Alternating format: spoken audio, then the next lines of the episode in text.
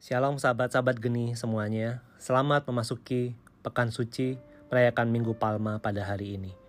Hari ini bersama saya Ari Mardawa Kencana dari Persekutuan Doa Santa Maria Immaculata Tabanan.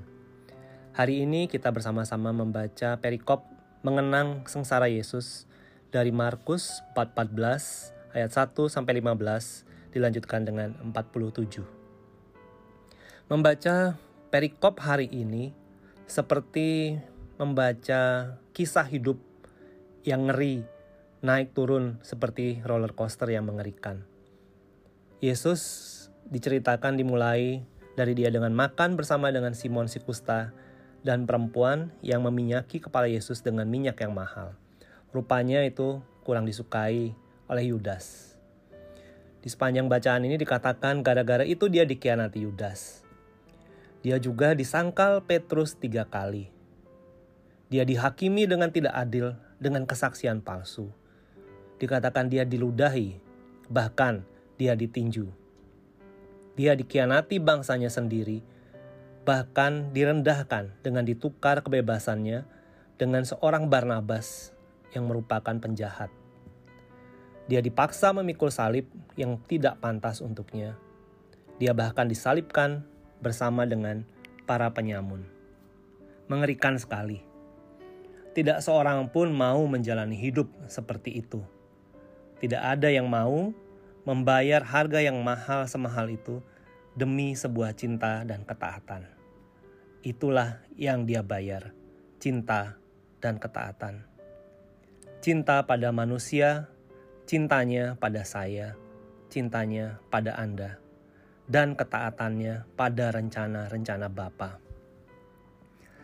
Cintanya pada manusia dan taat merupakan fokus pada misinya, yaitu mendamaikan manusia dengan Allah, seperti yang disimbolkannya dengan ketika dia masuk ke Yerusalem dengan menaiki keledai, bukan seekor kuda. Keledai dilambangkan sebagai lambang perdamaian Memasuki pekan suci di Minggu Palma ini, kita juga diajak untuk masuk Yerusalem hidup kita dengan hati yang baru. Bila dahulu kita sering seperti mengendarai kuda, siap berperang dengan siapa pun siapa pun juga. Saat ini kita diajak untuk bersama-sama membawa damai sama seperti Yesus. 40 hari retret agung kita mencapai hari-hari puncaknya.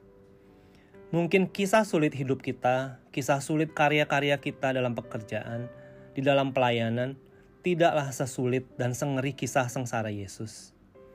Yesus sendiri tidak memalingkan fokusnya pada kisah sengsaranya, tetapi tetap fokus pada karya penyelamatan, cinta, dan kesetiaannya.